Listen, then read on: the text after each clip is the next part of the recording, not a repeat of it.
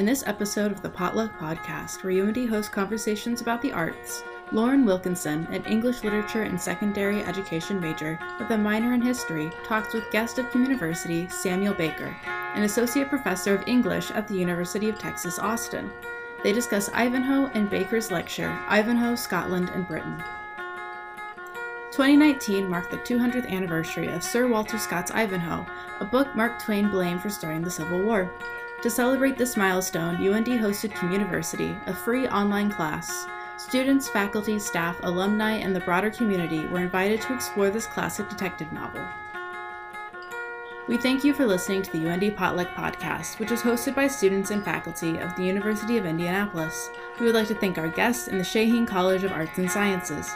To learn more about the Potluck Podcast and hear other episodes, please visit etchings.uindy.edu forward slash the hyphen potluck hyphen podcast. Thank you for your support.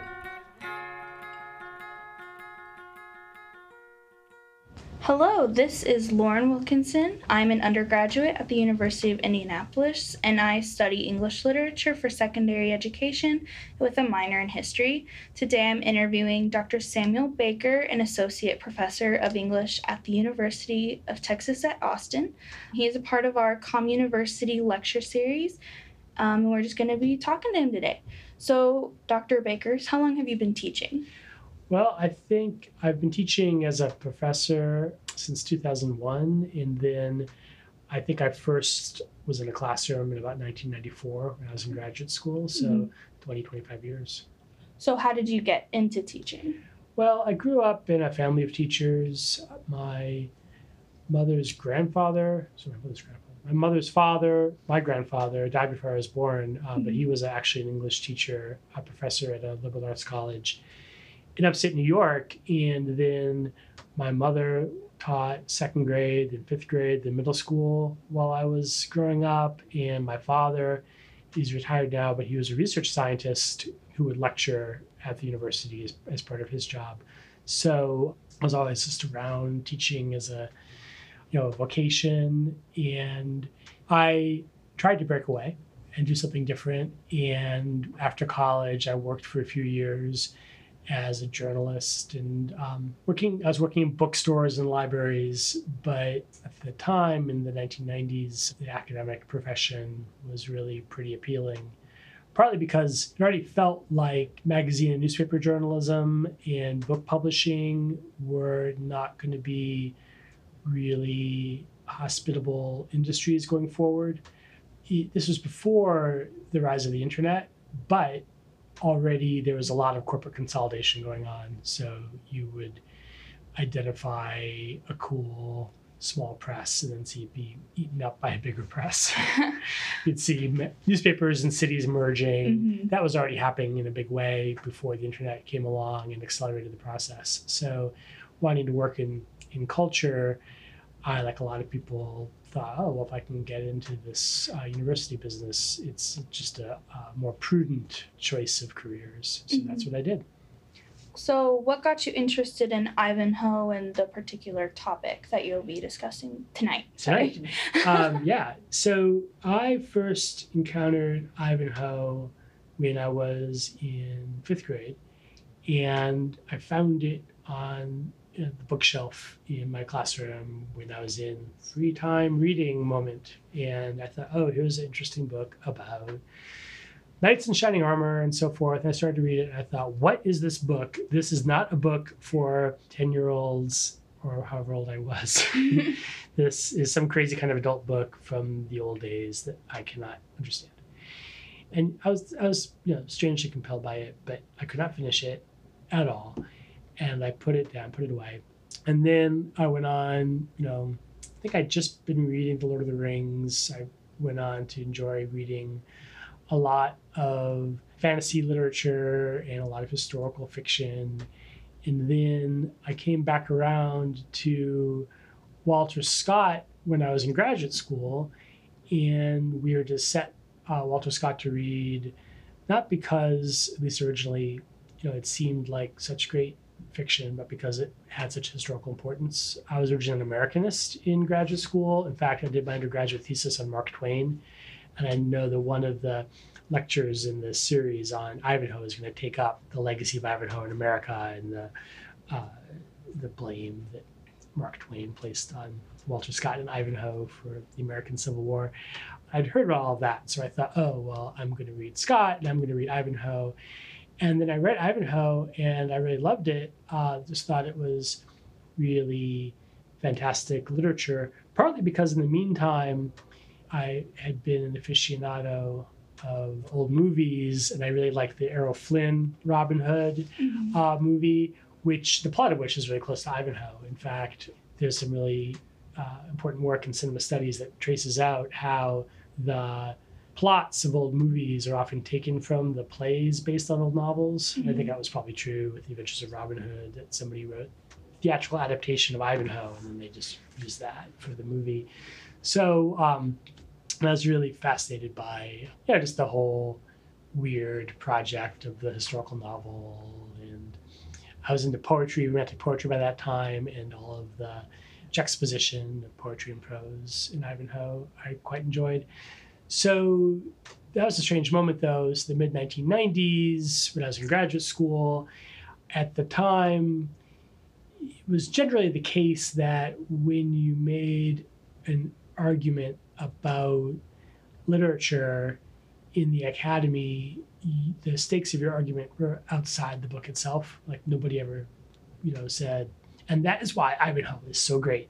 Hmm. Instead, it would always be an argument along the lines of, and this is why we see that Walter Scott mystified the people, or Walter Scott liberated the people with his novel Ivanhoe. But I was really into the work, and part of uh, how I got became fascinated with Scott was this through this question of like, well, what are these works that are so impenetrable and kind of difficult for people, and yet when you make a bit of an effort and get into it, you find people find so rewarding and so entrancing and want to just reread. I think that's a common trajectory with Ivanhoe, and one that a lot of the students in the class will probably have. In the beginning, you feel like I did in fifth grade, like what is this thing, and then you know when you make the effort to figure it out and get and inhabit the rhythms of the novel then by the end you just think i've got to start that over again now that i understand what's happening. Yeah.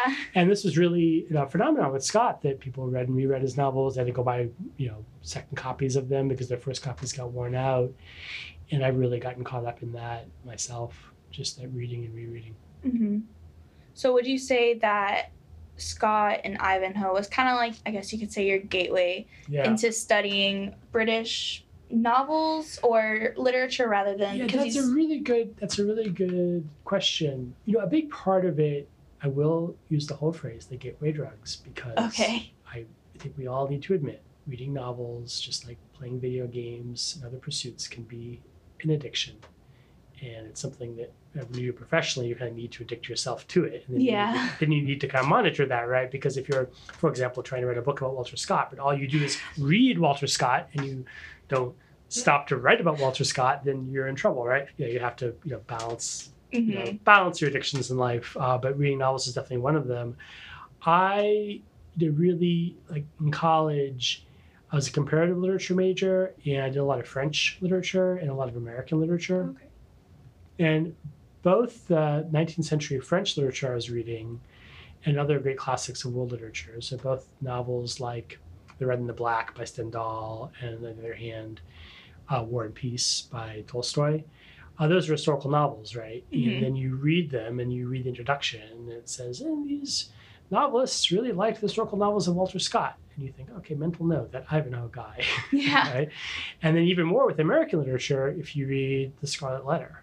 Right? It's an historical novel about the 17th century and based on the form of historical novel developed by Scott. Or if you're interested in 20th century more popular culture like Gone with the Wind, same thing. Historical novel very closely modeled on Walter Scott, and in fact, even on Ivanhoe. Um, this hasn't come up before in the class. If there any, if there's anybody listening who's a fan of you know, the classic Gone with the Wind movie, right, where you have well dramatized the heroine Scarlett O'Hara, and then the hero Rhett Butler, right, kind of dark, brooding, kind of magical guy, and then you know milk toast guy who the heroine actually likes. What's his name? Ashley, who's very pale and washed out. Well, it's like the gender role reversal of Ivanhoe. So you have all these American literature and world literature great works that build on Scott, but we read those works a hundred times, a thousand times more often than Scott.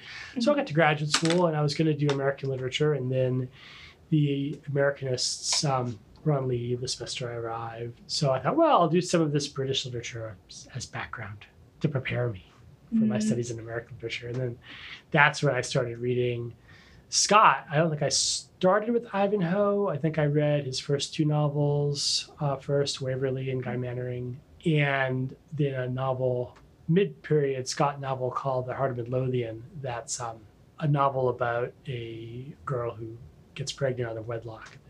The Scarlet Letter is very closely modeled on, actually. Mhm. And I thought, well, this is the original stuff. Like, Yeah. this is like the, you know, this is the, this whole way of telling stories being invented. And it's telling stories about what in some ways were like the original conflicts, right? So like behind the American Civil War is the English Civil War. And I knew a little bit about it, but then you get you find out about these historical dramas like the English Civil War, and it's sort of unbelievable. You know, Lincoln was assassinated and that was terrible, but they cut off the head of the king in the town square in the English Civil Mhm. War. it was Yeah.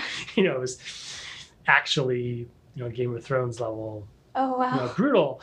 And you know, discovering a lot of the not just the drama, but the like the brutality and the tragedy Mhm. of English and even more so Scottish history through the historical novel is just like a tremendous journey because Mhm. it's a it's a journey like through you know fantasy and narrative, but then you're always you always sort of realize you know there's like that shiver you get when you realize that this was this was kind of real. It was kind of like this, Yeah. even though it wasn't really like that. It was also Yeah. kind of like that. Mhm.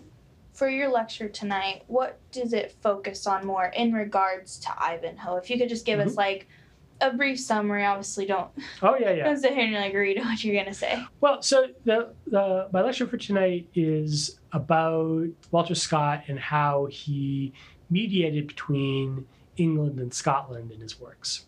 So when you when the one Walter Scott novel you've read is Ivanhoe, you actually are having a somewhat exceptional experience of Walter Scott Mhm. because he only set a few of his novels in England and he only set a few of his novels in the Middle Ages. Of course, Ivanhoe is both Mhm. most of Scott's novels are set in Scotland, and most of them are set in the early modern period, so in the 1700s, 1600s. Mhm.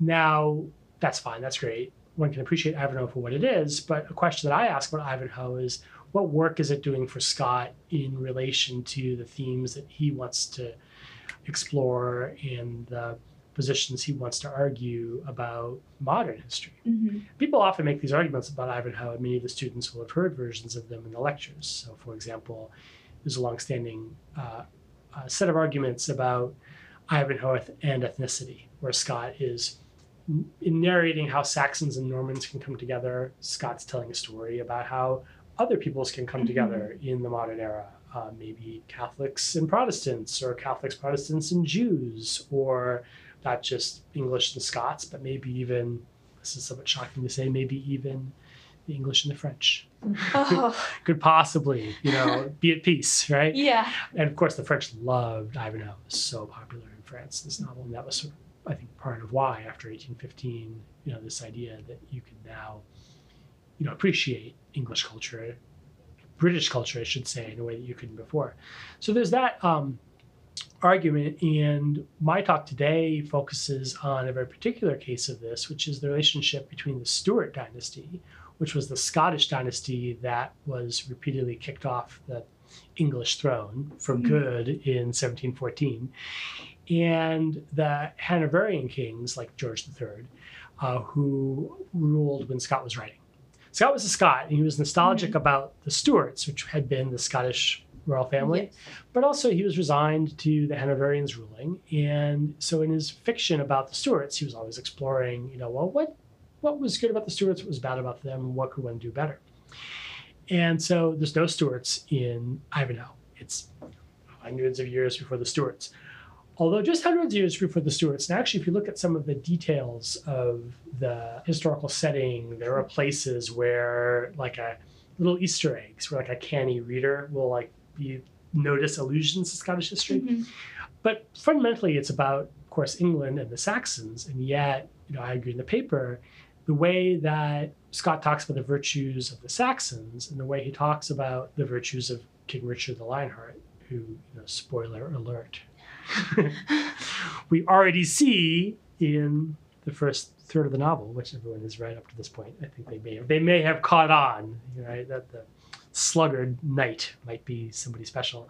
The uh, the way that Richard exercises his kingship, I argue, is with an ethos of stewardship Mhm. that to Scott represents the best of kingship. The best way to be a king is to be a steward of the realm for the people. And also, to be a steward is what a Stuart ought to have aspired to, because the Stuart royal family was originally the line of nobles who were the stewards for Robert the Bruce and for um, before him the kings of Scotland. So when the Stuarts inherited the kingship, right, this narrative goes, they maybe should have kept on being stewards, but instead notoriously exhibit what we now would call authoritarian tendencies Mhm. and declare themselves autocrats who ruled by divine right. And while Scott was sympathetic to the Stuarts, he admitted that they had gone too far in this direction. And a novel like Ivanhoe is kind of working out well, what could kingship look like Mhm. if it was done differently? So that's really the, the focus of the paper. It's what we use, we call sometimes in academia an argument from absence, right? Here's a novel with no Stuarts in it, right? And that's exactly why they're everywhere because you know we and this is the case that you know, people make fun of this line of argument. We're all smiling around the um, the recorder here because, of course, right, this kind of line of argument can always be abused, right? You know, there's nothing, none of those things in that movie, and that's why it's all about those things, right? But I do think that with Ivanhoe finally not writing about Scottish history freed Scott up to grapple conceptually, maybe with some with a theme that was even closer for him to the core of Scottish history than the themes he grappled with before. So, uh, what do you hope the audience takes away from your lecture tonight? Well, you know, I want to, in the first place, I'm going to spend some time, maybe even uh, a bit too much time, giving some, you know, fundamental information about Britain and about Walter Scott. Mhm. And I'm, I'm doing this not uh, because I think this information is like readily accessible. I mean, it is on like Wikipedia in a certain form, but in a certain form, it's not.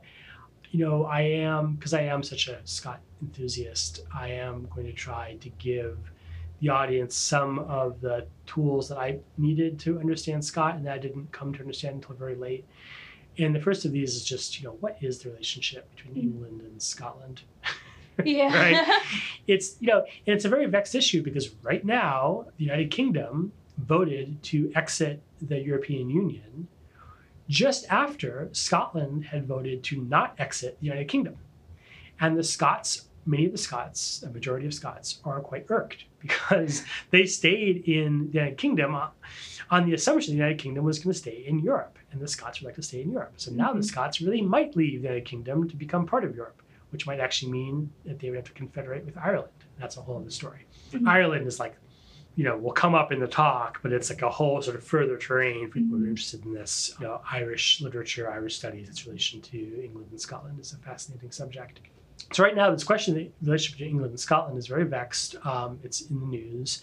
And you have to go back into history to figure out how this relationship has been established and how it's been lived over the years. And Walter Scott wrote many of his historical novels about the coming together and the sundering apart of England and Scotland.